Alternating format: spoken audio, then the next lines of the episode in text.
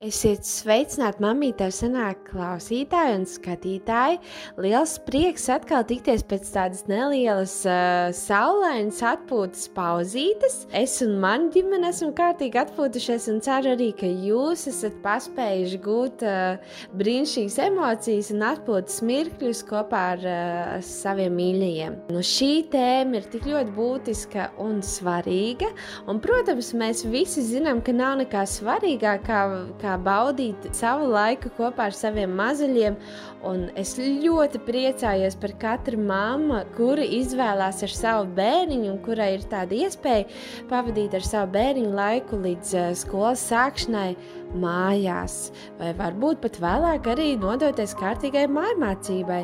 Bet uh, šoreiz mūsu tēma būs uh, bērns uzsākt bērndārza gaitas. Tāpat kā vienmēr ļoti priecāšos par katru komentāru, vēstulīti, subscribe, laiku, arī ja padalīsieties ar kādiem cilvēkiem jums apkārt, kam šī tēma varētu būt aktuāla.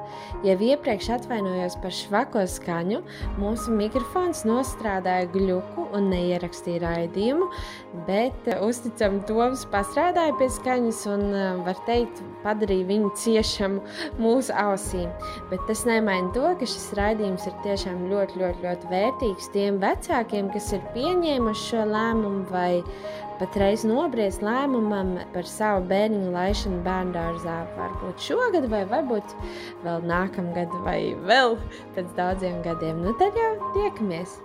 Šodien arī mamītē sanāk studijā ir brīnišķīgs viesis, kurš pats arī pastāstīs par sevi nedaudz vairāk. Tā ir Īveta Rudovica. Un man ir milzīgs prieks tevi šeit satikt, jo īstenībā tu biji pirmā, kas vadīja manu vecāku sapulci tādu kārtību. jo Elētiņš iet uh, dārziņā, kurā, kur vadi to. Un varbūt tad nedaudz, nedaudz pieskaries tam, ko tu dari. Un tad tālāk ies. Um, Sveiki, man prieks būt šeit. Man uh, prieks, ka tu aicināji mani. Un, uh, es tieši domāju, ka šis būtu labs laiks, kad par to runāt. Un es esmu Kristīgās pirmskolas Matejas uh, vadītāja. Um, tā ir uh, pirmskola, ko ir dibinājusi Rīgas Mateja Baptistu draudze. Mm -hmm. Un tā nu ir sanācis, ka uh, Esmu gan dibinātāja direktore, wow, uh, nodibinājumu, gan arī pirmskolas vadītāja dotā mirklī. Un uh, Mateja skoliņa šogad, nu tad, cik mums sanāk, nu jau būs 23. gads. Wow. Diezgan, diezgan uh, jau ar stāžu. Mm -hmm. Cienīgs vecums, jā. Jā, un uh, patiesībā ir viena no vecākajām privātajām pirmskolas izglītības iestādēm, kas ir šobrīd Rīgā, kas darbojas. Mm -hmm. Vecākā, ja nekļūdos, ir patnis un vēl viena vai divas mm -hmm. tām, kas ir no 90. gadu beigām palikušas dzīves. Mm -hmm. Mateja skoliņa ir viena no tām. Mm -hmm. Līdz ar to um, ticu, ka Dieva vadītāji, Jā, no, jo ar visādām krīzēm mm -hmm. ir iet cauri un izaugsmas ceļam. Mm -hmm. Un, uh, arī ticu, ka mums ir jau tādas stabilas uh, vērtības un tradīcijas par šo laiku izveidojušās. Mm. Brīnišķīgi, un mēs jau noteikti kā ģimene arī tās baudām, un caur arī Elietu. Pirmā lieta, ko viņš īstenībā iemācījās, ir skatīties. Un man tas tik ļoti patīk. Viņš man e, tikko, kad sāk iet bērngārzā, e, viņš man kaut ko jautāja, un es atbildēju, viņš saka, mamītē, es neredzu tavas atstiņas. Man liekas, tik superīgi, kā bērns var izmācīt arī vecāks. Īpaši šajā laikmetā, kad mēs diezgan bieži darām simts citas lietas, vai ne pievēršties pilnībā bērnam. Bet, nu, mēs jau tā aizteicāmies uz priekšu, bet nu, uh, tu esi tāda um, dibinātāja un, un vadītāja, ja? bet uh, tu esi arī mamma vai ne diviem bērniņiem. Un, eh, un es domāju, tas ir brīnišķīgi, ka tu dari tādu darbu, bet tu esi arī mamma. Varbūt, eh, varbūt tu vari nedaudz padalīties, iepazīstināt mūs ar savu ģimeni. Varbūt pateikt, kas tev vairāk patīk, esat par mammu, kas tev sagādā prieku. Jā, um, vispirms es esmu sieva Oto Rudoviča. Ļoti lieliskam vīram. Pateicība Dievam. Tāds atsevišķi tāds, kad es pastāstīšu. Mm -hmm. Un, um, man ir divi bērni. Man šogad tiešām liekas, ka nu jau lieli. Mm -hmm. Elijam ir 13 gadi. Wow. Un Emīlijai ir 9. Jā, diezgan lieli jaunieši. Un, kad es domāju par to jautājumu, kas man sagādā vislielāko prieku, esot mammai, pirmā lieta man ienāca uzreiz tāda loģiska, ka nu, man bērni ir mans lielākais prieks. Um, un tad kaut kad pirms kāda laika runājot ar savu draudzeni par visām tādām ikdienas lietām, kas mammas reizēm par ko mēs pukojamies. Par to, ka mums viss ir jāzina, ka mums viss ir jāredz, ka um, viss ir jāpaspēj. Un tad viņa teica, bet tā ir baigā privilēģija būt par mammu. Mm. Nu, ir tāda mūsu ģimenē mīļa anekdote, kad uh, bērni prasa tētim, tēti, kur ir zeķis? Tētis atbild, uh, bērni, kur ir mamma? Jā, uz visiem jautājumiem ir mamma. un patiesībā, kad tā padomā, bet iedomājies, cik tas ir lieliski. Mm. Un man tas reizēm, protams, dzīvē var nokaitināt. Bet uh, ir šī brīži, kad arī es apzinos, ka tā ir tāda svētība būt par mammu. Mm -hmm. Tā ir rīktīgi dāvana. Tā tiešām ir dāvana. Un tā ir tāda iespēja, kad es pirmā ar to bērniņu satikos. Mm -hmm. Un, kad es viņam visu mūžu būšu mamma. Mm -hmm. nu, tā, man liekas, ka tas ir lielākais prieks. Man tiešām patīk būt par mammu. Mm. Arvien vairāk, lai cik jocīgi nebūtu. Mm. Nevis mazāk. Super. Paši.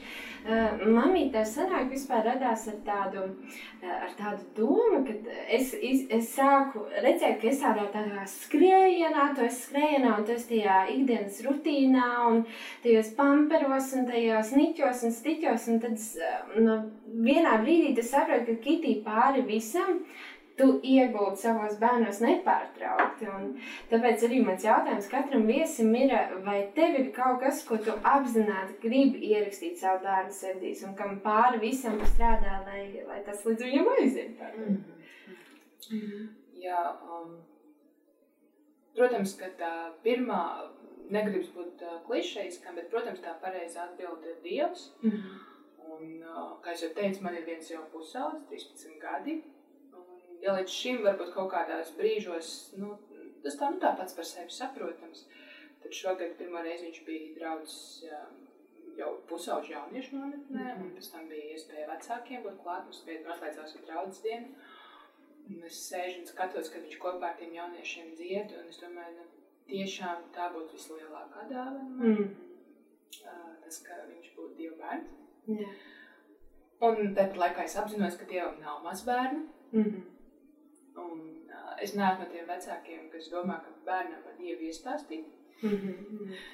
Uh, tradīcijas var iemācīt, jā, tas viss tā ir. Mm -hmm. Bet tā ir viņa izvēle un viņa attiecības. Jā.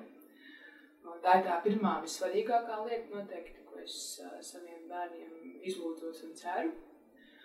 Um, tad uh, tā, tā otra lieta, ko es viņu sirdīs gribu ierakstīt un cenšos, un to viņiem saku, ka es te esmu.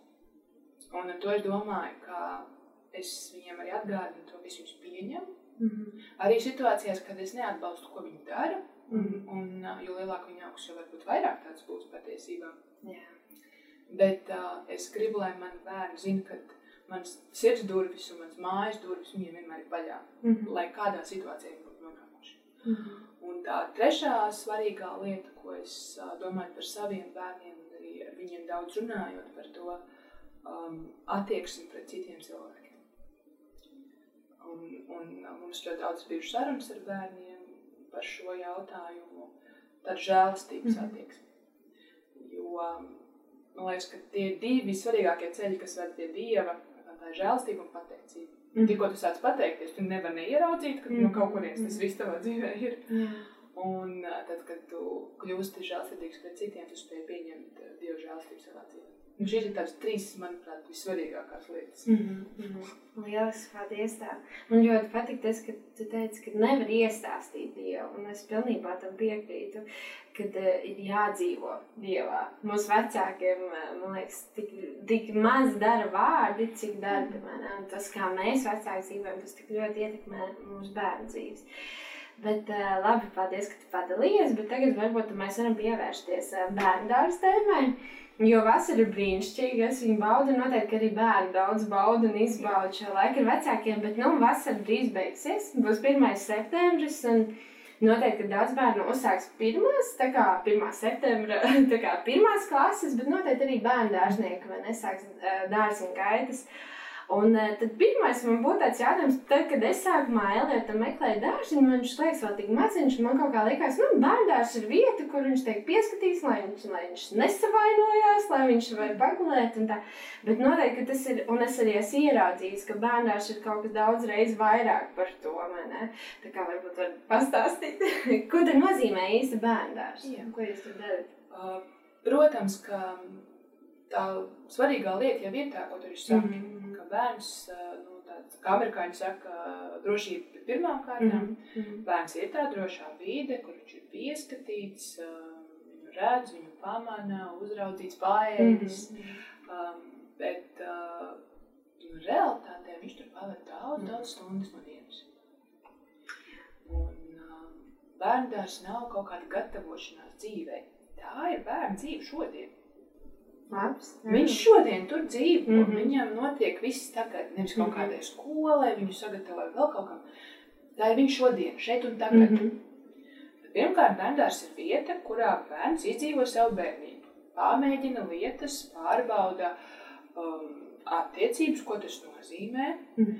Un visplašākajā kontekstā arī ir jāiemācās arī strīdēties, ir jāiemācās arī risināt konfliktus. Uh, ir jāiemācās piekāpties, un arī nepiekāpties mm. kādreiz. Un, uh, tā ir ļoti, ļoti svarīga lieta, ko dara bērns. Jo būtībā tas ir vienīgais laiks bērnu dzīvē uh, līdz skolai, kad ir iespēja to iemācīties un izdzīvot tā pa īstam. Jo tad tas laiks, viņš jau tāpat, mm. arī bērndārs laiks tiek dzīvots uz priekšu ļoti, ļoti. Bet nu, skolā tur ir vēl citi daudz, daudz uzdevumu. Ja es domāju par bērnu dārzu, tad um, Nereti vecākiem nu, tā gribas tās atskaitītas, nu, vai viņš jau māk to, mm -hmm. viņš, vai viņš prot lasīt, rakstīt, tas ir pamatstandards un, un rēķināt. Nu, tad, nu, protams, tur vai labi ir uzzīmējis, smuki nodziedājis, bet patiesībā tas ir rezultāts. Bērndārs dziļākajā būtībā ir process, mm -hmm. kā jau teicu, būšana šeit un tagad. Un vissvarīgākā lieta, kas bērnam ir jāapspēj bērndārs gaitās, ir iemācīties komunicēt ar citiem cilvēkiem, un emocionāli nobriest. Gatavības skolai es vienmēr stāstu vecākiem, jo gan vecākajā posmā, pirmskolas, gatavības skolai, jā, ir lasīt, rakstīt, rēķināt, mm -hmm. bet pēc tam, kad viņš ir emocionāli gatavs skolai, tā ir pirmā svarīgākā lieta. Jā. Jo lielākoties cilvēciņš, ja viņam ar intelektu viss ir kārtībā, ar lielāku, mazāku laika distanci lasīt, rakstīt, rēķināt, iemācās visi. Mm -hmm. Bet iemācīties sarunāties. Wow iemācīties uh, izpaust savas emocijas pieņemamā veidā. Mm -hmm. Jo realitāte ir tāda, ka viena lieta ir pilnīgi droša. Mums ar citiem cilvēkiem būs jāsadzīvo. Mm -hmm. Mēs taču negribam izaudzināt bērnu, kurš uh, nav gatavs ieklausīties citos, nav gatavs sadarboties ar citiem. Mēs negribam kolēģis jau tādu, mm. kurš neprot sarunāties, vai kurš savu dusmas izpauž tā, ka viņš varbūt nezina, cik labs profesionāls, bet mēs ar viņu nespējam sadarboties. Tas ir svarīgāk patiesībā par to lasīt, rakstīt, rēķināt. Tas nāk pēc tam. Tā ir tāda papildus paciņa, kas pēc tam tur tiek pievienot.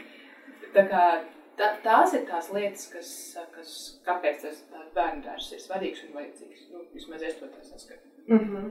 Tā tad tas nav tā, ka uh, tajā pašā pēdējā grupiņā, kad uh, ir pirms pirmās klases, ka tur viņi gatavojas skolai, un tad tur vajag tādu attieksmi, ja, ka tas sākās jau no paša sākuma. Tas sāks no pirmās mm -hmm. dienas. Patiesībā, um, es domāju, arī vecākiem, domājot par saviem bērniem, um, nedzīt laiku uz priekšu. Mm -hmm. Jo, nu, tad, kad, tad, kad man dēlam jau ir 13 gadi, nu, tad domā, ak, vai kāds būtu apstājusies un ļāva šo mirkli izbaudīt. Mm -hmm. Ka tagad viņš, nezinu, zīmē tā brīnišķīgi, ļoti mm -hmm. labi piedzīvojam to. Tagad viņš grib skriet, lekt, jo viņam ir vecuma posma attīstība. Ļoti labi darām to mm -hmm. tagad, nevis saliekam sev mērķus un tad viņus tur uz kaut kurien. Mm -hmm. uh, tā, tie nobriešanas solīši katrs ir ļoti, ļoti svarīgs. Un katrā posmā ir savi uzdevumi, kurus ir svarīgi izpildīt tagad, mm -hmm. nevis pēc tam. Mm -hmm. Un līdz vecākajā posmā, līdz lasīt, rakstīt, rēķināt, ir jāizdara ļoti, ļoti daudz lietas, lai viņš to varētu. Mm -hmm. nu, tur, protams, ir procesi, kas ir saistīti ar smadzeņu nobriešanu. kuri vienkārši neviens nepārnāc laikam pāri. jā, jā. Man jautājums eh, radās tāds, nu, vai droši vien, ir grupiņā tādi introvertie bērniņi un ekstravertie bērniņi, un mans bērniņš arī, man liekas, ka viņš tāds, nu, viņš uz komunikāciju ir ar kaut kādu savu lociņu, bet jautājums, vai bērndāžu laikā ir iespējams to kaut kā mainīt, vai jūs to laužat, vai jūs kaut kā mēģinat vērt vaļā? Nu, principā um, ir svarīgi saprast, Mēs arī kopā ar psihologu Madru mm -hmm. Grandānu lasījām vairākiem pedagogiem tādu kursu par pozitīvu disciplinēšanu. Ir jāsaprot, ka bērniņš ir tāda paciņu, mm -hmm. jau ekipēts. Un, un viena no lietām ir iedzimtība. Kā tu jau minēji, piemēram, ja bērns ir introverts mm -hmm. vai ekstraverts, bet tur izdala vairākas lietas. Tur ir vēl sensorā jūtība, ir bērni, kas ir pastiprināti jūtīgi, vai mm -hmm. pret gaismu, skaņu vai apģērbu, arī kurš kairinājums viņam izsauc daudz vairāk kaut kādas reakcijas. Ir bērni, kas ir mazāk jūtīgi, mm -hmm. ir bērni, kas ir komunikablāki, ir kas mazāk. Ir bērni, kas pēc dabas ir, nu, ja mēs tā varētu teikt, optimisti vairāk, priecīgāki. Ir, kur vairāk ir tādi, nu, varbūt melanholiskāki un bētīgāki. Tās tā ir iedzimtība. Mm -hmm. Tās ir lietas, kuras mēs varam pielāgot, attīstīt, mēs varam piedāvāt instrumentus, lai varbūt tādā viņam nērtā veidā viņš tur nepaliktu Bet tas tā ļoti dzīves laikā nemainīsies. Mēs vienkārši iemācīsimies vai iedosim bērnam instrumentus, ko tu šito var darīt. Mm -hmm. Jā, tu Dievs tev tādu ir radījis. Mm -hmm. Ko to šīm īpašībām, kas tev ir, kā tu varētu viņas labākā veidā izdzīvot jā. savā dzīvē? Jā, un, uh, un, uh, jā, introvertie bērni, kas varbūt vairāk izvēlas būt malā, mm -hmm. ieaugušais noteikti pirmskolas posmā ir tas, kurš ir tas vidutājs un kurš piedāvā un īpaši tīs to lomu rotaļas, kur bērni ne tikai vienkārši spēlējas, viņi pirmkārt arī iemācās dažādus veidus, sadarbības mm. veidus, kas ir ļoti, ļoti svarīgi loma rotaļas. Viņi arī izspēlē dažādas situācijas, kas ir būtībā kā terapija. Mm. Gan kas mājās notiek, gan kas bērnu dārzā notiek, gan arī pamēģina dažādas lomas, kā tas ir dzīvē. Mm. Tagad es esmu mamma, tad es esmu bērns un mm. pakļaujos no tās pozīcijas, vai sunīts kaķītis Jā. arī, piemēram. Jā. un tad, kad, piemēram, šiem te bērniņiem, kas ir introvertāki, tad pieaugušais ir tas, kurš ir tas vidutājs.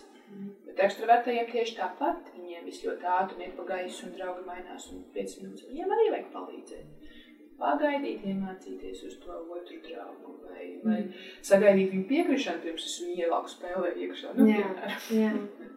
Precīzi, jā. Es domāju, nu, bērni bērndārzā pavada tiešām daudz laiku. Un, ja sākumā varbūt uh, ir kāda mamīte, kurai, nu, nevis kāda mamīte, bet ļoti daudz mammas, mēs esam spiesas skriet apakaļ darbos. Uh, Un mēs nevaram tā atļauties izvēlēties sev mīļu dārziņu, kurš tur ir pāri Rīgai. Ja? Mēs vienkārši meklējam dārziņu, kur uh, mēs varam to bērnu atstāt. Ja? Bet es domāju, cik tomēr ir svarīgi atrast to, to dārziņu, kas saskan ar, ar pirmkārt jau ar tavām, ar tavu tā kā mugurkaulu, ar tavām nostājām, ar tavām, ar to, kam tu tici. Ja? Pēc, man bija diezgan daudz dārziņu, kam mums izskrēja cauri, kas bija ļoti labas atsauksmes. Un noteikti ir labs dārziņš, bet vienkārši tas neskan ar manu. Ja? Tur bija latviskās visādas zīmes un padarīšanas, un citā bija kaut kas cits. Bet uh, kā tu skaties, cik svarīgi ir tas, lai. Jā. Um. Ļoti labi arī raksturoji to, ka tā svarīgākā lieta vispār ir vērtības. Mm -hmm. un, un, mēs bērniem gribam nodot vērtības, kas mums ir svarīgas. Tas ir, tas, tas ir loģiski un, un saprotami. Un tā būtu pirmā lieta, ko ir jāpaskatās. Vai tās mm. vērtības, um, un tas ne tikai ir saistīts ar ticību, daudz citas, citas uh, lietas, arī vispār skatījums uz cilvēku, mm. uz mhm. bērnu kā tādu, vai šīs vērtības mums sakrīt. Cik no tālu to var ieraudzīt un saprast pirmajā tikšanās reizē. Um, tad uh, vēl pie tādām lietām, ko es domāju, izvēloties izglītības iestādi, uh, es noteikti paskatītos, uh, nu, kas ir tā vide vispār, mm -hmm. kas, ir, kas, tur, kas tur ir apkārt, kas tur mhm. notiek. Mm -hmm. um, tad, protams, nu, mana pieredze ir tā, ka ļoti daudz ko par iestādi, tāpat arī par skolām, pasaka iestādes vadītājs. Noteikti. Nu, jebkurai patiesībā iestādē, kur jūs dodaties, mm -hmm. ja jums ir kāda tikšanās, um, tas ļoti, ļoti daudz ko pasaka, jo tieši tāpat uh, vadītājs arī ienes kaut kādas savas vērtības, mm -hmm. un, gan, gan saviem darbiniekiem, gan arī saviem klientiem. Nu, tās ir tās lietas, ko, ko ir vērts apskatīt. Nu, un tad ir jāpaskatās, vai mums saskan tas dzīves ritms. Un tas pirmsskolai arī ir diezgan svarīgi. Uh, ja, ja, kā jūs sakat, uh, kā teici, mm -hmm. vai, piemēram, tas ir man pietiekoši tuvu mājām, mm -hmm. kā es tur nokļūšu, vai pie darba, jāizdomā tas vakar cēliens, kā es tur tikšu, kā savākšu bērnu, cikos tas gal galā mm. būs. Tas nevienmēr nozīmē, ka cik blakus mājām. Reizēm tas var būt blakus darba vietai. Jā. Un tas ir daudz ērtāk, jo es tā mm. pareiķinu, piemēram, mājās no darbas reāli tajā, nezinu, vai ķekavā vēl kaut kur nokļūšu pulkstens septiņos. Mm -hmm. Bet uh, centrā es bērniņu var paņemt jau sešos. Nu, tāds, tās ir tās varbūt lietas, kā es saku vecākiem, kas nāk pie mums, un ne, ne visi ir ticīgi cilvēki. Mm -hmm. Svarīgi ir, ka pretrunai nevajadzētu būt. Mm -hmm. Un tas pats ir arī jebkuru izglītības iestādi, jūs izvēlaties. Mm -hmm. Lai tur nav šī pretruna, jo tā būs tā diezgan liela cīņa. Es to esmu mēģinājis arī uz saviem bērniem. wow, man patika, ko es, es neatceros vairs, tas jau bija labi laiciņā, bet man ļoti patika tā saruna ar, ar tevi. Tu vispār nebija tā, ka tu beigi reklamēji, vai tu uzspiedi, vienkārši pastāstīji šeit, reku, mēs esam, ja tev ir vēl brīnišķīgi iespēja pieteikties.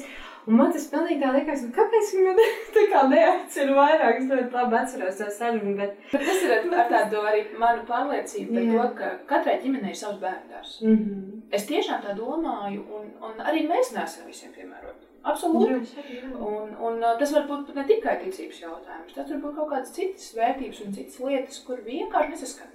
Līdzīgi kā cilvēkiem mm -hmm. savā starpā. Tas ir normāli. Jā, citam ir svarīgi ekoēdināšana, nu, ne? Un viņš vienkārši meklēs, kur ir laba ēdināšana. Jā, tā varētu būt. Es sākumā ļoti izjūtu to, ka eh, man kā mammai visu laiku ir tāda, tā kā tu meklē, kur kaut kas, varē, kaut kas nav. Nu, kaut kas varētu nebūt, nu, kaut, kaut kas nav. Un tā uzticība, un tad līdz vienam brīdim tu saproti, un arī jūs sapulcē, man liekas, teica, ka, nu, ja jūs neusticaties, ja, tad tas viss uh, pasākums gan bērnam, gan jums pašiem ir vienkārši ciešanas, ja, bet uh, tikko tu kā uzticies pilnīgi ar citām acīm. Es domāju, cik svarīgi varbūt no tevis kā vadītājs puses ir tas, ka tā mamīte tie vecāki, viņi uzticās tai iestādē, kurā iet bērniņš. Nu, um, es kā māma to varu mm -hmm. teikt, es to apzinos, ka vecākiem nekā tuvāk un svarīgāk par viņu bērniem. Es to saku arī saviem kolēģiem, kad mēs runājam par kādām problēmu situācijām ar vecākiem, mums brīvs saruna. Es saku, jūs varat ļoti daudz ko man par mani pateikt. Mm -hmm. Es diezgan labi ar to tikšu galā. Mm -hmm. Bet, ja jūs man teiksiet par maniem bērniem, tad man pirmā reakcija būs tāda lauva mammas. Protams. Un tad es varbūt mājā apdomāšu, un, un varbūt arī kaut ko tādu atvainošanās īsi. nu, nevar pēc tādām emocijām tieku galā, ah, bet, okay. bet, yeah. bet es tās sagramošu to un padomāšu, mm -hmm. un varbūt pat kaut kam spēšu piekrist. Mm -hmm. un, un tas ir normāli. Um, tas, kas ir uh, par, par uzticību runājot, ir svarīgi saprast, kāpēc es tik ļoti satraucos par to bērnu. Jo visbiežāk tas iemesls ir uh, absolūti cits, nevis ka problēma ir bērnu dārzā. Mm -hmm. Vissliktākais vecāku padomdevēji ir divi - vainas sajūta un bailes. Mm -hmm.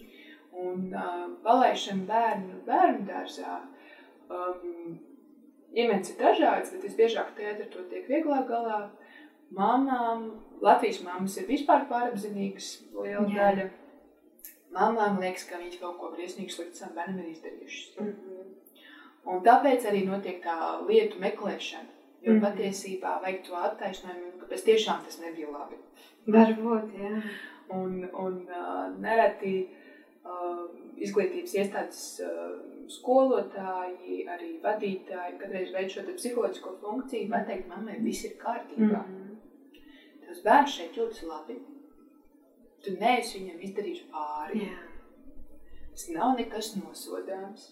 Mm. Vienu dienu vispār tas bērns apprecēsies. mm -hmm. Jā. Un šie ir mazie atdalīšanās solīši. Un visbiežāk tas iemesls, kāpēc, kāpēc mēs meklējam, kas tad nav, ir šīs mūsu iekšējā vainas sajūta un bailes. Mm. Bailes, ka es kaut ko izdarīšu nepareizi, kā mamma. Nevis, ka tā iestāde tur, bet kad es kļūdījusies. Un tāpēc mēs meklējam to apstiprinājumu visādos lietās, kas tur apkārt notiek vai nenotiek. Un, mm. un, un arī, protams, mamma un tētis savu bērniņu pazīst vislabāk.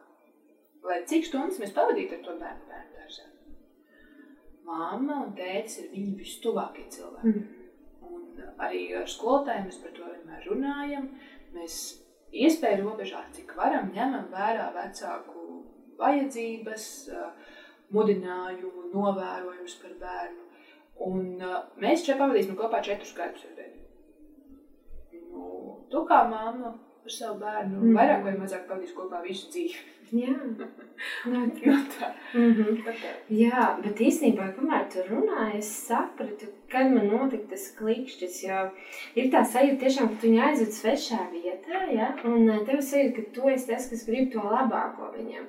Un tad paiet mirklis, kamēr tu saproti, varbūt tās skolotājs arī grib to labāko viņam, vai ne? Un īstenībā tā taču ir, jūs arī noteikti gribat visu to pašu labāko mūsu bērniem. Protams, mm. protams. Un, un, un, un mēs arī citādāk iepazīstamies. Mm -hmm. nekā vecāks pazīst savu bērnu. Mums ir tā iespēja, tā kā tāds skats no malas, mēs izkāpjam no kastītes ārā mm -hmm. un ieraugam viņu pilnīgi citās attiecībās. Jā. Pilnīgi citā vidē. Un varbūt kaut kādas citas īpašības, kuras varbūt mājā neparādās. Mm -hmm. Mm -hmm. Tu pati laidi savus bērnus eh, bērnāžā? Jā, mm -hmm. uh, Elīs ir uh, beidzis uh, Mateju skoliņu. Mm -hmm. um, tad es vēl tur nestrādāju. Mm -hmm. Un, un uh, Mums ir tāda ļoti, ļoti stingra prasība iestādē, kas Latvijā nav populāra, bet patiesībā daudz kur pasaulē ir, ka savus bērnus darbinieki nedrīkst laist pie mums. Mm. Un tur ir vairāk iemesli, gan, gan no kolektīva viedokļa, gan arī vairāk tieši no bērna viedokļa, ka tas viņam nav labi. Man bija brīnišķīgi pasniedzēja skolā psiholoģijas bērnu, ka bērnam nav labi redzēt, ka viņa mamma pieder visiem citiem bērniem. Tas nav veselīgs modelis. Jā. Un, eh, līdz ar to mana meita nav matēs skoliņu beigusi. Man meita mm. beigusi pašvaldības bērnu dārzu. Labāko, ko es uzskatīju, visā Rīgā. Un tu meklēji, vai ne? Uh, es meklēju, bērnās bija ļoti tālu no manām mājām. Wow. Mm -hmm. Absolūts līkums. Ne, nu, tā ir rīdzīniekam kādam izstāst. Pilnīgi nesaprātīgi. Bet tas ir, tas bija tā vērts, vai ne? Tas bija tā vērts. Mm -hmm. uh, un, uh, jā man ir kopumā par bērnu dārzu abiem bērniem diezgan pozitīva pieredze. Mm -hmm. Un mani abi bērni, bērndārs gaitas, uzsāka Emīlija divi ar pus gados, Elīs, Ailis arī divi ar pus, nu, principā mm -hmm. pirms trījiem gadiem. Mm -hmm. Lieliski. Un tu jau it kā pieskāries tai vainas apziņai, un es pazīstu ļoti daudz mamītes, un tāpat arī man bija ļoti liela vainas apziņa, jo man ir arī mīļa radiniece, kura ir eh, ar saviem bērniem bijusi līdz pat pirmajai klasē, un es abrīnoju, cienu, un super, un tas ir forši. Es sevi tajā neredzēju, ja? Un es domāju, tagad jau es esmu iemācījusies ar to tikt galā, bet ar Eliotu man tā bija tāda vainas apziņa. Un tad man vēl ir, ah, tad vēl es arī parunāju ar vienu bērnu dārza skolotāju. Nu, viņa gan nav no jūsu dārziņa, viņa no citu dārziņa. Viņa man teica, Es nesaprotu tās mammas, viņas dzemdē, kāpēc viņas dzemdē tos bērnus, viņas viņas laiž bērndārzā. Es tajā dienā eju pie Vladislavas, saku, ak, Dievs, tu iedomājies, ko tās bērndārs skolotājs domā. Un tad man jautās, vai jūs tā kādreiz domājat, bet paldies, ka tu jau padalījies par to vainas apziņu, jā. Uh, es pati esmu noteikti mamma, kas... Uh, Es esmu bijusi saviem bērniem klāt, esmu joprojām mm -hmm. iespēju robežās, bet es esmu arī pārliecināta, ka mums ir katram savas lietas arī dzīvē. Un visiem ģimenē. Manam vīram ir sava vieta un savas lietas, maniem bērniem joprojām ir lietas, kas ir tikai viņiem, katram savas, un mm -hmm. arī mhm. man. Mm -hmm. Un uh, es visām mamām no sirds gribu pateikt, jūs esat vislabākās māmas saviem bērniem. Mm -hmm dotajos apstākļos, dotajos situācijā, ar to, kas visu jums ir, jūs esat labākās mammas. Mm -hmm. Es tiešām, jo, kad paklausās Latvijas mammas, tiešām sirgst ar kaut kādu slimīgu vainas sajūtu. Nu, Jā. tiešām. Jo, jo ar kuru mamma vien parunā, nu, katra uzreiz sāk meklēt tās problēmas sevī, kāpēc tas bērniņš ir tāds vai citādāks. Mm -hmm. Es jūs gribu nomierināt, iedzimtība un daudz citu faktori arī mm daudz ko ietekmē, ne mm tikai jūs. Mm. Tiešām. Un būtībā nē, mēs noteikti uz mamām bērnu dārzā tā neskatāmies. Un es pat mamām un tētiem to saku vienā no pirmajām tikšanās reizēm, ka vispirms bērnu dārzā sāk iet vecāki. Droši vien. Tad mēs izvēlamies to vietu, kurai mēs uzticamies, kur mm mums ir miers sirdī Un tad mēs pieņemam lēmumu. Mans bērns ies bērnās. Un šis lēmums, jo stabilāk ar sevi un savu galvu māma strādās, jo vieglāk bērnam būs uzsākt bērnās gaitas. Mm -hmm. Tikko mamma sāk svārstīties un arī to bērnu gribētu, lai tas bērniņš viņai atnāk, apsēž klēpī un saka, mamma, es ļoti gribu uz bērntāšu. Un tā katru rītu. Protams.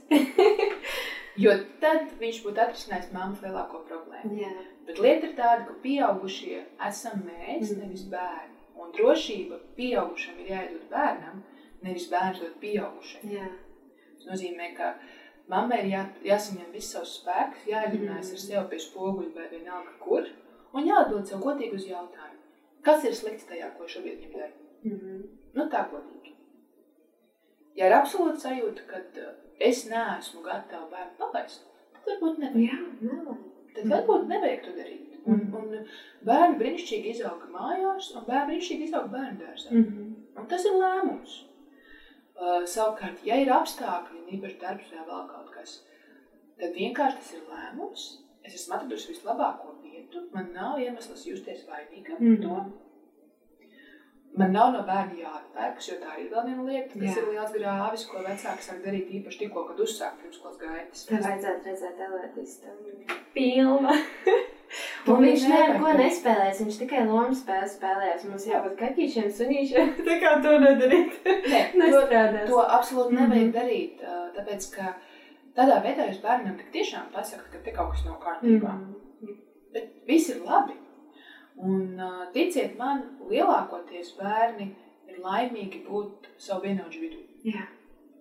Nu, mēs taču arī, nu, godīgi pateiksim, ja, nu, man ir brīnišķīgi arī draugi seniori, man arī ir vecvecāki, ļoti mīļi, mm -hmm. bet es ļoti lauzu laiku pavadu ar saviem vienaudžiem, un man tie labi patīk. Mm -hmm. Tāda pieauguša cilvēku kompānija. Un līdzīgi bērnam, viņam tie labi patīk tā savu vienaudžu kompāniju. Mm -hmm. Ir atsevišķas situācijas, bet tās ir uh, atsevišķas situācijas, bet kopumā līdz ar to mēs neskatāmies ar nosodījumu uz vecākiem, absolūti ne. Un mm -hmm. es domāju, arī vecākiem sevi ir jāpasaka, es esmu pieņem šo lēmumu es sāku iet bērngārzā, un tad ir mans bērns. Mm -hmm. Jā, un es domāju, no savas pieredzes, kas ir salīdzinoši svaiga, un arī ar pērlīti jau pēc kāda laika tas būs, ka noteikti, ka mums ir jāskato sevi kā mamām, un tāpēc arī brīnišķīgi, ja mēs varam paurķēties tajā iestādē, un vienkārši uzzināt kaut kādas lietas, lai mums būtu miers, un tajā dienā, kad mēs viņu palaižam, mēs varam ar tādu uzticību, vai ne, un mieru vienkārši tā darīt. Man liekas, ka viss, ko mēs darām, mums jādara pārliecība. Un tā arī mūsu bērniem. Jā, un pārliecība arī viņam veidojas tā pamazām. Jā, un arī jā, liekas, ka sajūt, nu, bet es šobrīd nejūtos droši. Mm -hmm. Skaidrs, pasakas jau to.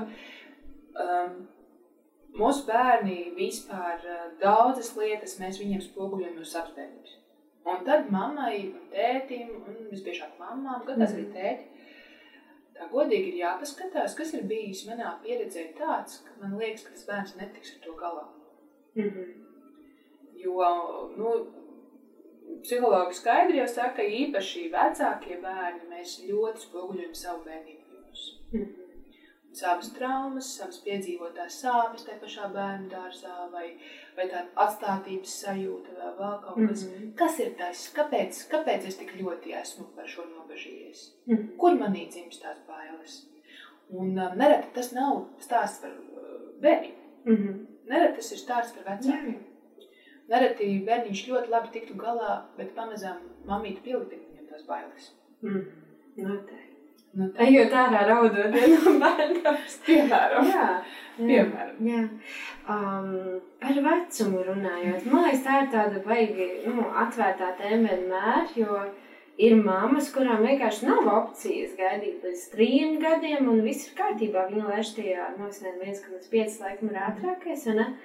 Bet uh, kā tev liekas, tu noteikti uh, tu esi tajā iekšā, kad ir labākais laiks, kad laist bērnu bērnāžā? Jā, uh, nu, um, atkal negribu nevienam likt justies vainīgam, absolūti mm -hmm. nē. Es noteikti neesmu atbalstītājs ļoti agrām bērnās gaitām, kas ir principā Latvijā arī no gads un divu mēnešu oficiāli mm. likumiski, laikam no gads un pusotra gada, var, bet es zinu, ka tur ir mazāks bērnus mm. laiž bērnu dārzos, un es paskaidrošu iemeslu. Tā pamatlieta par pirmskolu ir tā, ka bērnam svarīgi ir, lai viņam būtu cik necik valoda. Un uh, varbūt uh, īpaši puišu mammas ļoti labi var atcerēties to brīdi, kad bērniņš pirmo reizi sāk spēlēties noškastē ar draugiem, tad, kad viņš, piemēram, nevar atrisināt kaut kādu situāciju, un viņam nav valodas, ko viņš dara? Sit. Sit, mm -hmm. jo viņš nevar pateikt. Mm -hmm. Viņš nevar sarunāt. Visbiežāk šajā posmā bērnam vēl tik ļoti tie citi bērni nav vajadzīgi. Mm -hmm. Viņam viņi ir interesanti, viņam viņi patīk, un, ja mēs paskatāmies, tad mazi bērni ļoti labprāt pavada laiku kopā ar stipri lielākiem, īpaši tiem, kam nav valoda. Bet ne ar vienaudžiem, jo ar mm. viņiem jau neko nevar izdarīt. Mm. mēs abi esam tajā stāvoklī, ka mēs īsti viens otru nesaprotam. Mm -hmm. Kā arī no tāda attīstības viedokļa, būtībā bērniņam nu, stabili līdz diviem gadiem vissvarīgāk ir tā primārā piesaistes persona. Protams, ir situācijas, kad ir jāiet uz darbu. Mm. Es arī esmu aizgājusi uz darbu ar Eliju. Viņam bija gads un mēnesis, Emīlijai bija pusotrs, pēc mm -hmm. grāmatas. Mm -hmm. Un uh, tas, ko mēs kā ģimene izvēlējāmies, bija aukle. Um, jo tur vēl nav šī starpkomunikācija starp mhm. bērniem. Mm -hmm. Ir šis arī primārais, pieaugušais, kā, kā aprūpētājs, kurš iesaistās. Uh, Protams, ja ir absolūta situācija un skaidrs, ka algu mēs nevaram, varbūt ir vērts paskatīties uz vietām, kur ir salīdzinoši vai nu mazās grupas. Mm -hmm. Esmu dzirdējis arī labs atsauksmes par maidārziņiem, kur ir 3-4 bērniņi. Bet liela grupa tīri, tīri pēc bērna vecuma posma īpatnības bērnam zem 2,5 gadiem mm. nav vajadzīga, nav saprotama un ļoti, ļoti sarežģīta. Mm. Uh, tāpat laikā biju pagājuši, kad uh, Rīdžoja Milī, kur tādu pedagoģijas metodi, ko mēs pamazām iestrādājam savā izglītības iestādē. Un, um, tur ir uh, pat silas grupas, kur bērnu 8 mēnešu vecumā ir pirmskolas izglītības iestādē. Un te es gribu atkal nomierināt tos vecākus, gan kam ir auklis, gan kas laiž bērnu dārzā, um, lai cik stundas bērnu dārzā bērniņš pavadītu. Vecāki viņam joprojām ir vissvarīgākie. Neirozinātne ir pierādījusi, ka Komunikācijā ar vecākiem bērns vienalga iemācās visvairāk un pārņem vairāk viņu tieši uzvedības mm -hmm. modeļus, um, gan runas stilu, gan visu pārējo, mm -hmm. pat tad, ja viņš ir kā tās astoņas stundas izglītības iestādē. Mm -hmm. wow. Ģenētika to jau ir izdomājusi un izdarījusi. Mm -hmm. Tā kā jūs varat sevi nomierināt un nesatraukties, ja ir tāda situācija. Mm -hmm. Jūs vienalga saviem bērniem esat visi vissvarīgākie. To ir prieks dzirdēt. nu, labi, mēs esam mammas sagatavojuši sevi, izpētījuši iestādi, un tagad mums ir bērniņš. Nu, tēt ir kas augus, ja? Mums vēl ir augus bērniņš mm, sagatavot bērniņu. Uh, varbūt ir kādi praktiski ieteikumi, kā mēs varam nu, palīdzēt bērniem sagatavoties šīm bērnu gaitām. Nu, ja tas cilvēks bērns jau ir runājošs un, un mēs varam lietas sarunāt, Ja tie ir trīs gadi, mm -hmm. nu, tas, ko es no sirds iesaku, un materiāli šobrīd ir ārkārtīgi mm -hmm. daudz, visām mamām un tētiem ik pa laikam palasīt vecumposmu īpatnības. Jo nereti mēs no bērna gaidām to, ko viņš vēl īsti nevar.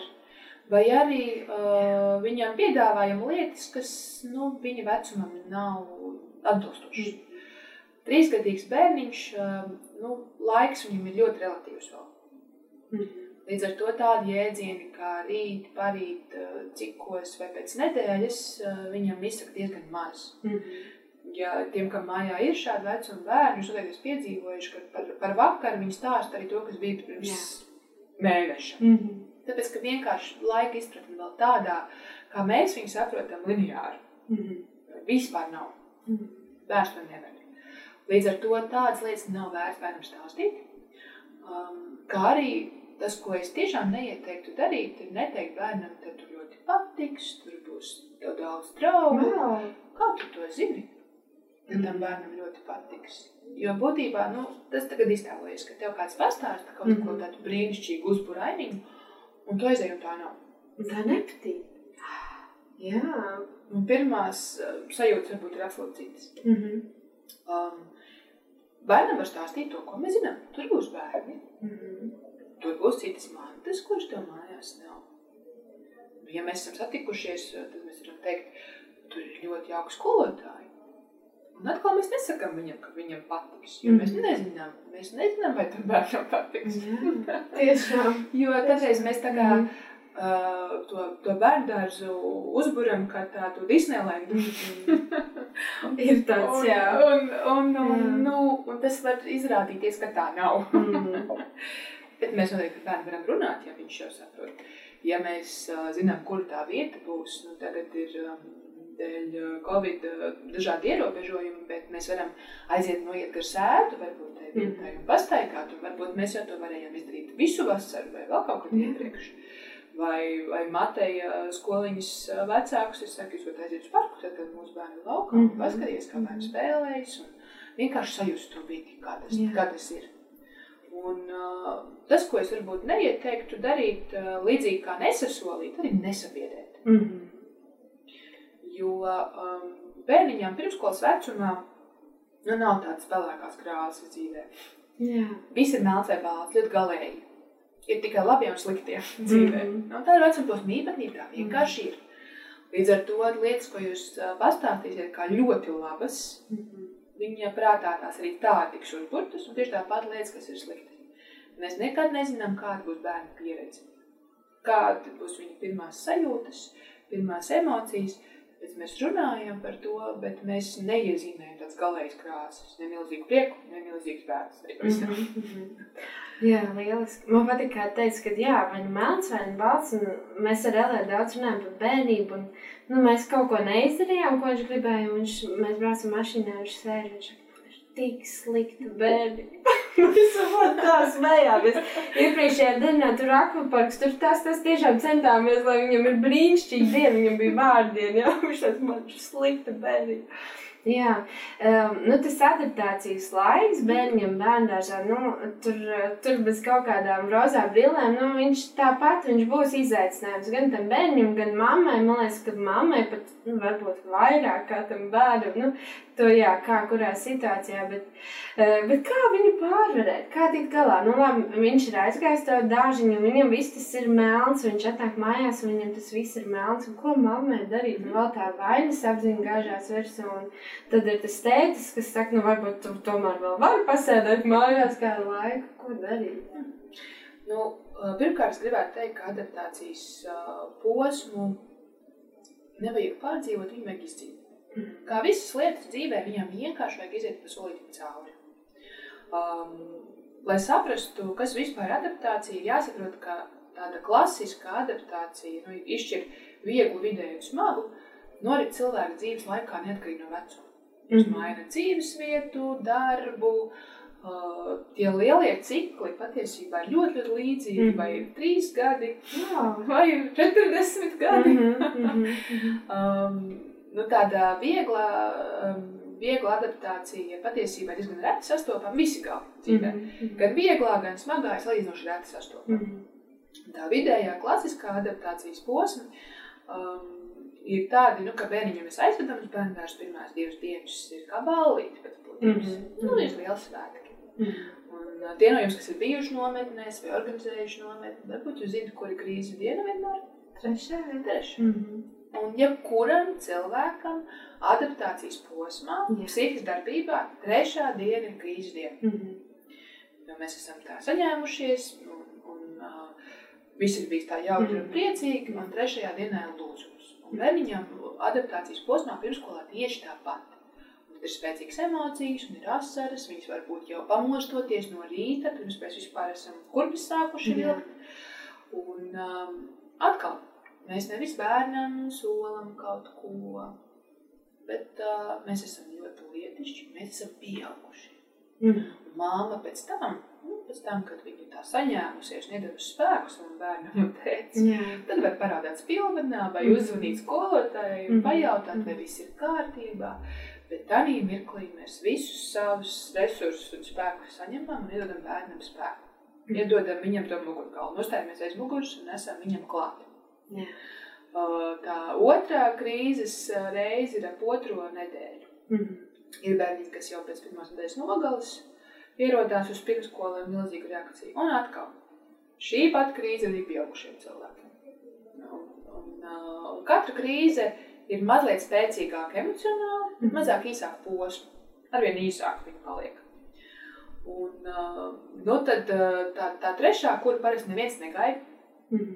Ir 5. sestā nedēļa. Liekas, jau viss Liekas, tā kā viss. Un tad ir mūžīgais Jā. jautājums mamām. Mhm. Un es reizēm ar šo nodarbojos arī pie sava telefona darbā, kad man zvana māmiņas no pašvaldību bērnu dārziem un saka, ka viņi rīt grib nākt mūsu bērnu dārzā. Tas bērnu ir briesmīgs. Mhm. Es vienmēr jautāju, cik ilgi jūs tajā bērnu dārzā Mhm. ejat? Nu, kad viņi man saka, ka pusotru mēnesi vai tūlīt būs divi, Jā. Tad es viņai saku, jūs man piezvaniet vēl pēc pusotra mēneša, nu vai pēc Mhm. mēneša. Mhm. Ja jūs joprojām tā domāsiet, Mhm. Jo tās ir ļoti spēcīgas emocijas. Un tad mammai liekas, kas ir noticis tajā bērnībā. Jo viss taču bija labi. Patiesībā tas ir tā. Uh, Psihe ir ļoti, ļoti nogurusi. Viņa visu laiku ir pielāgojusies jaunai videi, jauniem apstākļiem, un viņa saka, viss man pietiek. Tas ir milzīgs lūzums. Pieaugušiem cilvēkiem tās parasti ir pat depresīvas izjūtas, varbūt pie darba vietas maiņas, pie pārcelšanās uz ārzemēm Mhm. dzīvot kad cilvēks tiešām jūtas nospiests, vientuļš, nelaimīgs, viņš ir gatavs iet uz ko, lai šito pārtrauktu. Mhm. Un bērns tāpat. Jā. Un, kā jau saku, pieaugušiem cilvēkiem pēc 5. 6. nedēļas neiet prom no jaunā darba. Mazliet pagaidiet, Tiešām. emocija pāriet. Tiešām.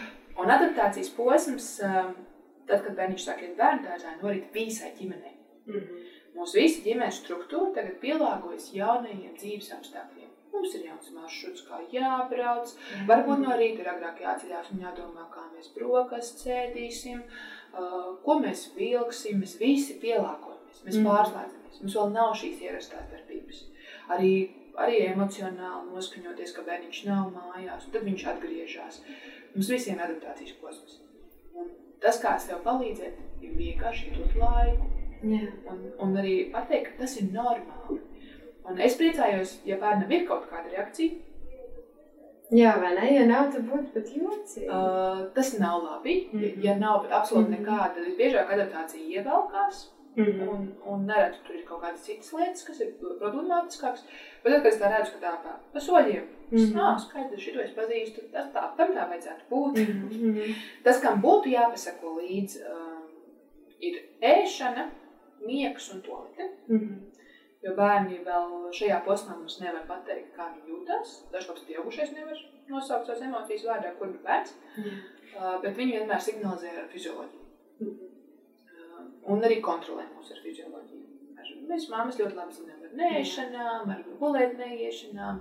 Mhm. Tā ir arī vienīgā lieta, ar ko viņi spēj mūs pieaugušos kontrolēt. Mēs vēl bērntāžā sekājam adaptācijas posmā šīm trim lietām līdzi. Kad es saku, ka bērns jau pie mums ir gatavs ēst, viņš jau mazliet mūs ir pieņēmis. Mhm. Kad jau viņš uh, apguļās uz matricīšu un ir vēl mieru pie mums palikt, tad mēs jau esam gandrīz savējie. Nu, un tolete, nu, tā ir arī tāda ļoti svarīga lieta. Jā. Jā. Nu, tā. Un tāpēc arī ja adaptācijas posmā bērniņš pārnāk mājā no bērnu dārza un, piemēram, intensīvi ēd. Mamītis, tas nenozīmē, ka bērniņš bērnu dārzā ir badā. Jā, ka viņi nebaro. Jā. Ko jūs darat, kad jūs Mhm. pārnākat no tādas stresēnas darba dienas? Nu, lielākā daļa pieaugušiem. Atver lecus. Jā. Jā. Un bērniņš dara ļoti līdzīgi. Mhm. Patiesībā ļoti daudz lietas mēs varam pajautāt sev, kā es rīkojos tās stresa situācijās. Un viņš ir tādā citādākā izpausmē ieraudzīt bērnā. Mhm. Patiesībā tas ļoti, ļoti līdzīgi. Un es arī uz jaunu darba vietu, piemēram, nu, pēc nedēļas neeju pa lēknamies un šausmīgi laimīgs. Un gaidīt, lai bērniņš tā uzvestos, nu, arī varbūt nav ļoti adekvāti. Mhm, mhm. Jā, protams. Man patīk, kā tu teici, jo tas bija tas, ko es ļoti izjūtu arī Elētā. ir Tas, ka, protams, ka viņi tur ir, kā es saku, emocionāli ievilkuši vēderu, vai ne? Un tur viņi varbūt ir sākumā pat ļoti, ļoti paklausīgi un ļoti tādi, nu, sākumā, tad viņi iedzīvojās un arī ir paklausīgi. Bet, eh, un tad mammai satiekot bērniņu eh, ģērbtuvītē, ja, tur, tur sākās, eh, ka viņš laiž ārā šīs emocijas. Un, Pirmais ir tāda, nu, pirmais ir nu, tāda nesaprotne, nesapratne, ja, kas notiek, un tad ir, tad ir tā izvēle, kā tu reaģēsi un kā tev vispār vajadzētu reaģēt, vai ne? Kā tikt galā ar tām emocijām. Nu, vispirms tādā brīdī, kad bērniņš tā dara, arī pārnākot, piemēram, mājā no bērnu dārza, mamma sevi iekšēji uzkalnē un aplaudē. Mhm. Tas nozīmē, ka es esmu viņa drošās piesaistes persona. Wow, Tas nozīmē, mm -hmm. Ka šeit viņš drīkst būt tas, kas viņš mm -hmm. ir. Un ka visas tās emocijas, ko viņš visu dienu ir turējis, beidzot yeah. var laist vaļā, jo ir kāds, kuram es pilnībā uzticos mm -hmm. un kuras var būt es pats. Tas ir pirmais, ko mammai tev jāpasaka. Super. Ļoti labi, ka tu tā yeah, dari. uh, protams, ka bērnam mēs mm -hmm. tā mhm. nesakām. Mēs mēģinām šīs emocijas bērniņā vadīt un iedot viņam drošību un stabilitāti. Un tu pareizi arī norādīji, ka tas visbiežāk tas ir, piemēram, adaptācijas posmā, mm. kad ir ļoti izteikti. Bet ir bērniņi, kuriem tā ir visu, visu laiku, un arī skolas laikā. Mm. Un, ja mēs tā paskatāmies uz sevi, un arī ir vērts palūkoties, kā tad es esmu nu, tāds uh, cilvēku tips. Varbūt es arī ļoti, ļoti saņemos, esot svešu cilvēku klātbūtnē. Man mm. jābūt ļoti svešu, tie būtu mani kolēģi. Mm -hmm. Un uh, savukārt mājās es tikai tur atļaujos būt pa īstam brīvs. Mm -hmm. Un arī tam bērnam tas tā ir, jo, jo pirmskola, nu, tas ir bērnu darbiņš. Viņam emocionāli ļoti, ļoti, ļoti liels slodzi. Mm un, un ļoti daudzām situācijām ir jāpielāgojas. Un, un tie noteikumi, kas darbojas mājās, savukārt pirmskolā nedarbojas. Man ir jāiemācās mm. jauni. Un uh, tas, ko vecākiem es varētu ieteikt, būt maksimāli emocionāli atbalstošiem. Mm -hmm paskatīties, varbūt, kas ir tās situācijas, kur neļaut viņam sakāpt vēl vairāk, mm. nu, tādā emociju līknē neuzkāpt līdz debesīm, jo tad vairs neko nevar izdarīt. Mm. Tad bērnam ir histērija, un tad, kamēr histērija nenoplok māmu, tu neko nevar izdarīt. Mm. Nu, tā, kas ir tas, kā es viņam varu palīdzēt nomierināties? Es noteikti neieteiktu, kad reiz vecāki saka, nu, ka bērndārs viņš ir tik ļoti, ļoti aktīvs, ka vēl tur, nezinu, desmit pulciņi vēl kaut kas. Uh, Pirmskolas posmā ļoti bieži, patiesībā pārsvarā, paaugstināta aktivitāte liecina par nogurumu. Mm. Jūs noteikti esat mājās piedzīvojuši histēriskos smieklus, histērisku darbošanos, kad mēs zinām, ka bērns var nav tiesmieku vēlreiz. Tā ir pārgājuma darbība. Mm. Uh, ja pieaugušie paliek ļoti miegaini mm. noguruši, tad bērni pārsvarā paliek ļoti aktīvi. Un tad pieliekot vēl kādas aktivitātes klāt, mēs nevis mazinām šo nogurumu, mm -hmm. loģiski, mm -hmm. bet mēs viņu vēl vairāk sakaitinām. Un tāpēc mājās ir jāpadomā šādās situācijās, kā radīt to mierīgu atmosfēru. Mm -hmm. Varbūt tā ir kāda mierīga galda spēle, ko mēs varam palasīt. Vai izveidot savu rituālu, kā mēs mm -hmm. atgriežamies mājās, vai mums tur ir kaut kāds mierīgs vakariņš uzreiz pēc tam, vai mēs izlasām grāmatu. Mm -hmm um, ļoti labi darbojās, un to var mācīt bērniņiem jau ļoti maziem mājās, šeit ir klusums stūri. Bērnam arī iedot iespēju pabūt vienam. Mm -hmm. Jo vēl viena lieta, ko mēs pieaugušie darām, mēs arī, kā māmas, mm -hmm. mums ienāk pēcpaturība, mēs neesam visu redzējuši, un mēs viņam virsū. Mm -hmm. Un arī tā bērtāšu, nu kā tad tev gāja, kas tur bija, viņš šobrīd varbūt nevar Jā. to Viņam ir druskuļi jāpārstāv. Mm -hmm. Iedot viņam desmit minūtes, lai viņš mm -hmm. vai pusstundu, ja viņam vajag. un pēc tam viņš atnāks un, mm -hmm. un, un būs klātesošs. Bet kopumā es gribu iedrošināt, ka tā nav sliktā zīme. Tā mm -hmm. ir labā zīme ka bērnam mm -hmm. ir emociju izvirdums. Mm -hmm. Super, paldies, ārprātīgi vērtīga informācija. Bet es domāju, tāda um, ekskluzīva iespēja, ka te sēž, tā teikt, tie, nu, tā otra puse, ja mēs tās mammas, un tu no tā gala, un ko tu gribētu tā kā pateikt, lai, nu, tu varētu tā pieaugt alkoholu teikt, lai reiz pa reizēm tā mamām ir skaidrs kaut kas varbūt no jūsu, no jūsu puses, no tā audzinātāja skolotāja puses, varbūt kaut kas kas ir tas, nu, tā pirmā lieta, kas, kas uh, tu jau viņu minēji patiesībā, mm. bet vienkārši mamām tam jānotic. Mm um, mēs gribam ar vecākiem sadarboties, nevis mm. pretdarboties.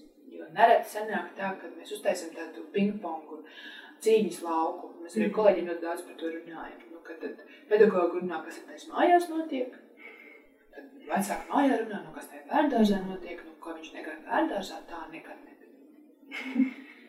es jums atklāšu noslēpumu, ka nevienā vietā visbiežāk nekas tik ārprātīgs nenotiek. Mm -hmm.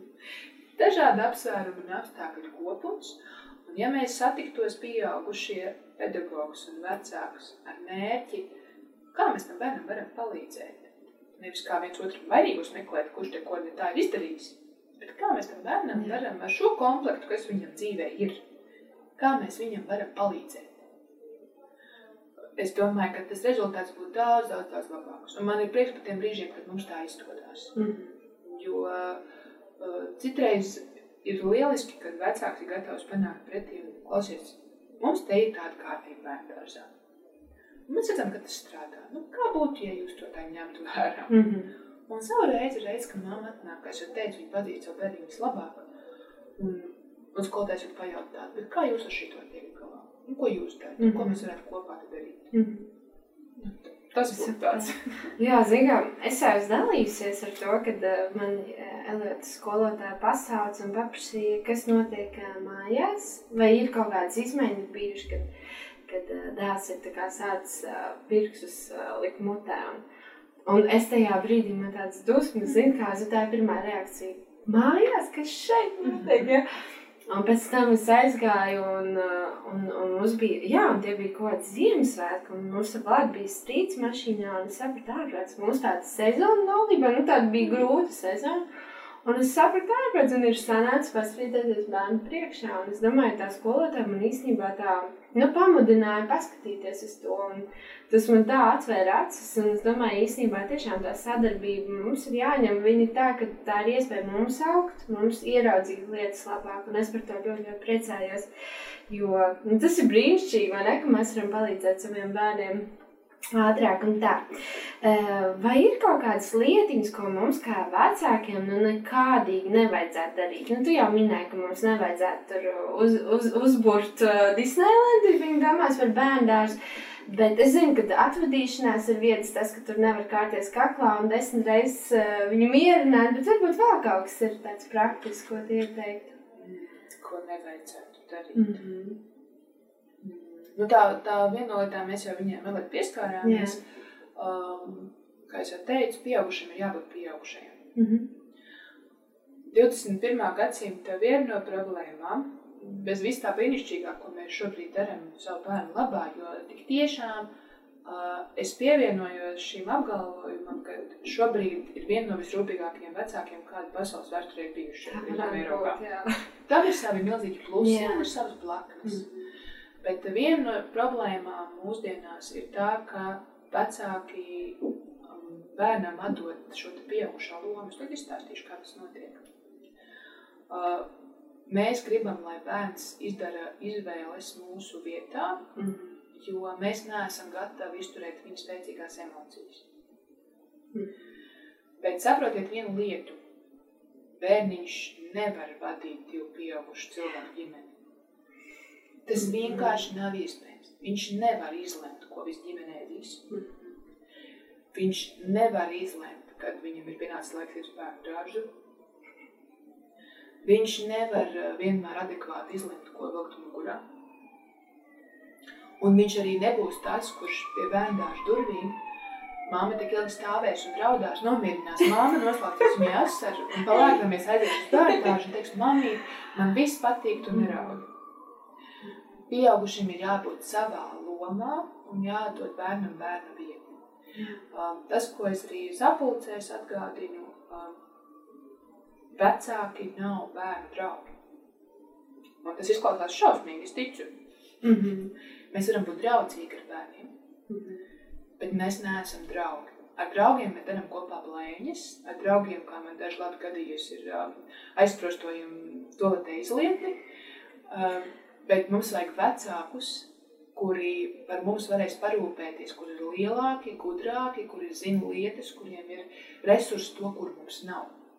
Un tāpēc katram dzīvē ir sava vieta un pieaugušam ir jāatur tas mugurkauls. Un tas ir pamatiņš tam, lai mēs bērnam idotu spēku. Jā. Ārpēc tu vienkārši tu sāki pirmā teikuma, tas tik ļoti atsaucās manī, jo Tā bija kļūda, ko es ļoti pieļāvu. Man vīrs bija bieži komandējumos, un, un es ar māmu devos liepā, un man māma saka, ārprāts, tu pret viņu izturies kā pret savu vīriņu mazo. un, un es tajā brīdī sāku tiešām ieraudzīt, ko es daru, un es viņam uzlieku tādu atbildību, ja? Tā kā, jā, mums jābūt ļoti uzmanīgiem, bet kā vispār to var, Un kā to var kā pārvērst, pārlauzt? Es pat nezinu, kā man tas notika. Es vienkārši pēkšņi sapratu, ka, kad viņš uzvedās labi, mums ir labas attiecības, un kad viņš uzvedās slikti, tad es nesaprotu, kas notiek. Viņš man ir pievīlis. viņš ir pievīlis mani, ja kā. Un tad saprotu, ka tas kā nav veselīgi, ka viņš tomēr ir bērns. Man ļoti palīdz kā, kā mammai, un, un man tagad ir uh, tīns mājās. Jā, jā, jā. tas ir atkal jauns posms, nu patiesībā gan arī divi jau pusauģi. Wow.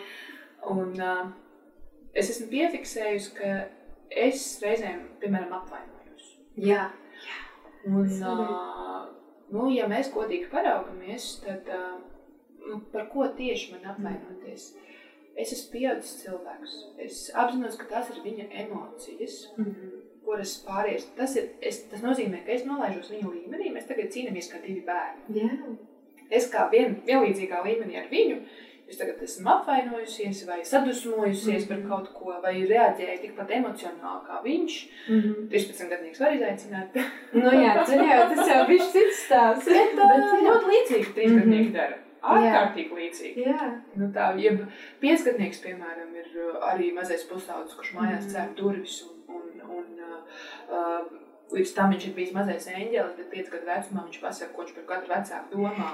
Un, un, Un tad sev ir jāpasaka, es esmu pieaugušais. Mm -hmm. Viņš nekādā veidā, viņš ir bērns, tas ir emocijas. Uh, Jā. pēc desmit minūtēm viņš teiks kaut ko citu, jo ļoti ātri emocijas pārslēdzas bērnam. Mm -hmm. Tā nav patiesība, ko viņš mm -hmm. par mani šobrīd saka. Viņš nekādā veidā mani nepazemina. Mm -hmm. Jo es esmu pieaugusi sieviete, mamma, man viss, viss ir kārtībā manā dzīvē. Jā. No tā, ka bērns, piemēram, pasaka, es tevi vairs nemīlu. Mm. Nu, uh, pasmieties par to nevajag tajā brīdī, protams, ne. Mm -hmm. Bet to nevajag arī uztvert kā patiesību. Jā. Jā. Nu, tas bija stiprākie vārdi, ko viņš savos četros, mm. piecos gados varēja atrast. -hmm. Viņam lielāku nebija. Jā, bet šis ir vienkārši brīnišķīgs parāks. Jo mamī tas nē, tas bija ielieta vārdu vienā notikumā man, ja? Un šodien mēs steidzāmies, tu jau zini, tas nokavēja. Un ja mēs nesam, no, es spēli nesen viņu rauju, viņš saka, man kājas apsaka, mums jāskrien. Viņš ir kaut kāds, mamī, tev nesanāk. Jā, tas vajag. Ļoti precīzi. Precīzi tā ir vajag. Bet arī vēl viena lieta, ko es gribētu iedrošināt vecākus, um, ļaujiet sev kļūdīties un ļaujiet, ka bērni to piedzīvo. Jā. Vai tu teici par tiem konfliktiem ģimenē? Es laikam esmu no tiem vecākiem, kas uh, saka, ka bērniem ir šad jāredz mūsu konflikti. Un viņiem ir, kas ir svarīgi konfliktam, ka viņi redz, ka viņi ir atrisināti. Jā, noteikti. Jo tā ir dzīves mm. daļa. Un arī tas, ka es kļūdos kā mm. mamma. Mm. Un, un reizēm man sanāk, reizēm nesanāk. Un jā. tā nesanāk, jā. galīgi nesanāk. Un es aizēju un saku, klausies, nu, šis nebija labi, ko es izdarīju, vai ko es tev pateicu. Vai, vai kaut kāda mana rīcība, mans lēmums nebija pareizs.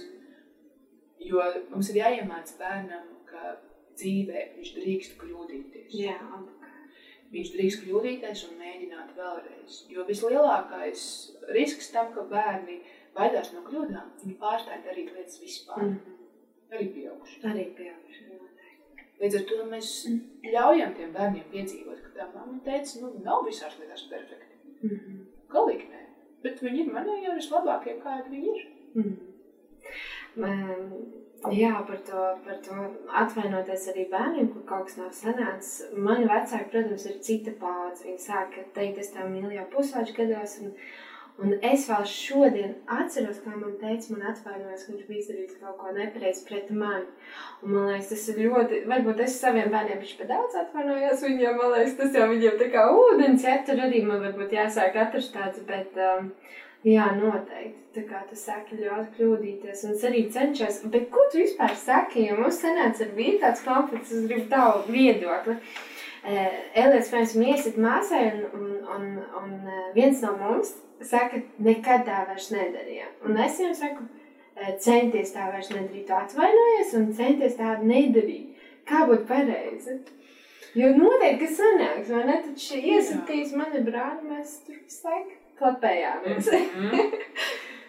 nu, uh, pirmā lieta, protams, uzreiz, kas man nāk prātā, ir vienmēr saprast, kāpēc tā notika. Mm -hmm. nu, kāpēc mēs tik tālu nonācām, ka kāds kādam iesit. Um, lietot tos lielos vārdus nekad. Jā. Uh, vai, vai uh, arī vai vienmēr Viņi ir tādi ļoti riskanti. Mm -hmm. Jo tie tādi ļoti vispārinoši un diezgan neiespējami. Jā, tieši nekad- tā, neiespējami. Nekad nesist, Mhm. piemēram, Mhm. ir diezgan neiespējami. Mhm. Um, es drīzāk teiktu, ka tas, ko es arī saku mūsu ģimenē, un tas, ko mēs skoliņā bērniem uh, mācām, ka šeit nesit.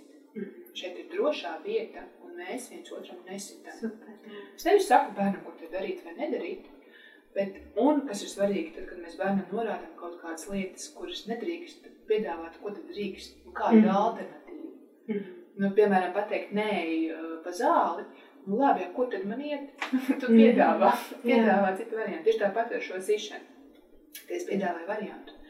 Jo, ja, piemēram, nezinu, brālis vai māsa vai mazāks bērns ir nokaitinājis nu, kas ir diezgan normāli, tā varētu būt, Mhm. piedāvāt viņam, "A, ko man darīt tajā situācijā. Vai, piemēram, mūsu ģimenē nu, mums ir tādi izteikti dažādi temperamenti. Mēs, kā es nejos, es un mans dēls, mēs esam tādi itāļu temperamenti. Mhm. Un uh, es savam dēlam arī stāstu, ka ir reizes, kad es, es saprotu, un es arī skaļi pasaku, Mhm. ka šobrīd man ir uzvilkta nervus un dusmīgs, man ir druskuļi jāaiziet. Jā. Un es drīkstu to darīt. Un pārējiem Mhm. nav man jāsako, jābeidz Mhm. neskaidrot. Mēs piedāvājam bērnam, ko, tu, ko darīt tā vietā, Mhm. Un mēs izstāstām, kāda ir spēles noteikumi. Šī ir vieta, kur mēs nesitam. Mhm. Mūsu mājās nevienu ar rokām neaiztiek, piemēram, ja, vai bērngārzā mēs arī sakām. Un tad mēs uzreiz piedāvājam, ko tu vari darīt. Ja tā ir sanāca, tu vari atnākt un man pateikt. Vai arī tu tam draugam, kurš tev taisās īsti, var teikt, nedara tā, man tas nepatīk. Mhm. Jo otrā tāda būtiska lieta, ko bērnam ir svarīgi iemācīt, iemācīt pašam tikt galā ar savām robežām. Nevis katrai iesaistīt pieaugušo, Jā. bet ļoti stingri pašam saprast savas ķermeniskās robežas Mhm. un mācīt par sevi pastāvēt un teikt, nedari man tā, man tas nepatīk. Jā. Un, uh, es gan aizrunājos, bet ļoti, ļoti gribu to pateikt. Mhm. Pie tā, ko nevajadzētu bērniem nekad teikt vecākiem, uh, ir par to, ka nereti joprojām kādi vecāki bērniem mācīja, ka bērni dārzā sit, sit pretī. Mhm. Uh, pirmkārt, uh, to nekad nevajadzētu darīt. Es lietoju šo vārdu šobrīd, jo mēs apstiprinām bērnam, ka mēs atbalstam vardarbību. Mhm. Uh, bērns pirmskolas vecumā un arī skolas vecumā nespēja izvērtēt, kurš ir tas brīdis, kad nodarījums ir bijis pietiekoši nopietns, lai es fiziski sistu. Un visbiežāk mēs viņam pasakām ar šiem vārdiem, tev ir atļauts citiem sist. Mhm. Tas nozīmē, ja tev nepatiks, ko kāds tev dara, tu drīksti viņam iesist. Es tev atļauju kā pieaugušais. Tāpēc šādus vārdus mēs bērnam nesakām. Būtībā mēs provocējam bērnus vardarbību. Un nereti šiem bērniem, kuriem mēs šādi mācām, tā situācija apgriež otrādi. Viņi kļūst par tiem, kas ir tie biežākie sitēji, jo viņi nespēja izvērtēt. Mhm. Vai tagad, kad man māte atņēma ir brīdis, kad vajadzēja sist, vai kad nē. Tiešām. Nu, tā. tā kā mēs bērniem mācām nesist, Mhm. bet tā viena no lietām mēs viņiem sakām, ka šī ir tā vieta, kur mēs ar rokām nevienu neaizliekam. Mhm. Vai, piemēram, tā ir mūsu ģimenes princips. Mēs nevienam nesitam. Super. Ja, bet man noteikti būs jāicina vēlreiz kādreiz pēc kāda laiciņa, jo man liekas, tu esi pilna ar zināšanām un super. Bet tāds pēdējais jautājums būtu par, eh, par to, kā tu minēji, ka bērniem tas ir viņa darbiņš un tas ir svarīgs viņam. Un es arī esmu viena no tām mamām, kas noteikti, ja vada vada stāstu, viņš ir eh, iespējams pirmais bērns bērnārsā. ja vada es, tad iespējams viņš ir viens no pēdējiem. Un tomēr um, ieslēdzās tas klikšķis, ka tas ir viņam ļoti svarīgs. Gan tā nodarbība, gan eh, kaut kāds ir grāmatu dienas un dieniņās, ja tu esi aizmirsis paņemt grāmatiņu. Ja? Varbūt uh, uzmundrini mūsu mammas uh, ar šo tieši padalīties, cik uh, svarīgi ir respektēt tās lietas, kas notiek bērnam. Um, jā, nezinu, kur gal sākt. Es sākšu ar, ar pirmo lietu, ka nomierināt visas mammas. Arī man, bērns vadītāja, attiecībā pret saviem bērniem ir gadījies ar šo kļūdīties. Un es jūs gribu nomierināt, nevajag sevi šausmīt, ja tā sanāk. Uh, otra lieta, ko mēs ar kolēģiem regulāri pārunājam, un es viņiem to vienmēr atgādinu, pirmsskolā bērns uz bērnu dārzu pats nevar atnākt. Tas nozīmē, dusmoties uz bērnu, ka viņš ir nokavējis nodarbību. Jā, Nav vērts. Jo viņš vienkārši neieradīsies pats. Un to mēs nedarām mūsu iestādē. Un arī nesodām bērnus par to, ka viņi nav laikā. Es pat teiktu, ka skolā tas ir nepareizi, jo mūteni bērni tiek atvest ar mašīnu. un Tad jāzina tai skolai tiem vecākiem. Jo bērniem jau ir visvieglāk papakstīt par to, kas viņam nav sanācis. Um, bērnu laiku, protams, ir svarīgi ievērot un nodarbību laikus, jo īpaši pirmskolas posmā ir jāatcerās, ka bērni lēni pārslēdzās uz darbībām. Mm. Ko tas nozīmē? Tas nozīmē, ka bērniņam nodarbībai ir jāsagatavojas. Viņš nevar atnākt, atvērt durvis un hops un jau būt. Nu, pieauguši ir reti, kurš to spēj. Jā. Ja? Jā, mēs atnākam uz darbu, kafiju, to Jā, jā, jā, jā. tieši tā. Ne? Jā. Nevis uzreiz sanāksmes vidū un prezentāciju. Mhm. Mm -hmm. ja? Uh, Bērnam tas ir vēl grūtāk. Tiešām grūtāk. Plus mazajiem bērniņiem ir jāsaprot, ja mums ir, nezinu, nodarbība, mēs veicam kopīgi eksperimentu. Nu, vienalga, ko mēs darām, vai, vai mācāmies burtus, vai vēl kaut ko. Un uh, vērš vaļā durvis, kas notiek. Skolotāji pazaudē visu bērnu uzmanību. Viņi visi ir aizgājuši tur. Plus vēl māmītei uh, objektīvi ir kaut kādas lietas, informācija, kas jādod skolotājiem, un tas ir gandrīz neiespējami. Čau, jā. Tā kā man ir jāuzmundrina un jāiedrošina vecāki uh, plānot savu dzīvi un laiku, jo nu, reti kad stāsta par bērniem. Ja jūs sakat, ka bērns nevar saģērbties, uh, tā var būt, bet Mhm. tas nozīmē, ka kāds ir stundu agrāk. Jā. Jā. Nu, es esmu ļoti liela gulētāja. Man ļoti patīk no rītiem pagulēt. Darbs man ir izaudzinājis. Man nākas Mhm. celties agri. Jā. Bet uh, bērnu dēļ arī to ir vērts izdarīt. Tāpat laikā es arī saprotu, ka katrai ģimenei ir savs dzīves ritms. Un arī pasaulē ir šobrīd ļoti dažādos ritmos iet. Un varbūt mēs vairs nedzīvosim darba vietās no līdz plūstam. Tas ļoti iespējams. Bet kamēr ir šīs nodarbības un plānotais laiks, tad arī vai nu var sarunāt skolotāji, ka mēs esam sapratuši, ka mēs nevaram būt, nezinu, katru otru dienu deviņos, un tad mēs, piemēram, nākam mazliet vēlāk nodarbība beigusies, sarunājam, cik kurš tas ir, jo tik tiešām tas paņem ļoti daudz no Jā. Jā, un, un viens ir, kad skolotāji nedz mēs noteikti bērniem, bet otrs ir, kad mēs mammas, es piefiksēju sevi, ka, nu, ka tu velc viņu tos niknis, ja, un viņš nav reāli vainīgs, nu, es esmu vainīga. Man liekas, tas arī, tā, ka tu tā pavērš, nu, ne jau bērns vainīgs, Jā. tā es galēju, es pati vainīga, vai ne? Tā kā tad jau vairs nav jēgas to bērnu nedusmoties, es bērnu nav Mm, nekādreiz. jēgas vairs dusmoties. Tā kā tā, labi. Kādreiz var gadīties katru. Nu jā, protams, kādreiz. Paldies tā par sarunu. Varbūt tev ir kaut kāds tāds pēdējais un- uzmundrinājums mamām, mamītēm, kuras skatās, kurām varbūt šis lielais solis vēl ir priekšā. Mm. Mans lielākais uzmundrinājums jums ir tāds, ka ticiet sev, esiet jūs pašas. Un, um, pasaulē ir ļoti, ļoti daudz dažādu cilvēku. Ir kādi, kas ir mājmācībā, un ir kādi, kas ir skolā, un tas ir brīnišķīgi. Jā, Jums ir jādzīvo tā dzīve, kas ir pēc jūsu pārliecības, pēc jūsu dzīves tempa, un nevajag salīdzināt. mm. Tiešām no sirds to novēlu, un tad arī vieglāk būs uzsākt tās bērnās gaitas, ja nebūs šī sajūta, ka es nedaru tā kā citi. jā. Nesalīdzinamies, dzīvojam savu dzīvi, baudam to un audzinām stipras un brīnišķīgas personības, vai ne? Daram tā. Atā! Paldies! Tā kā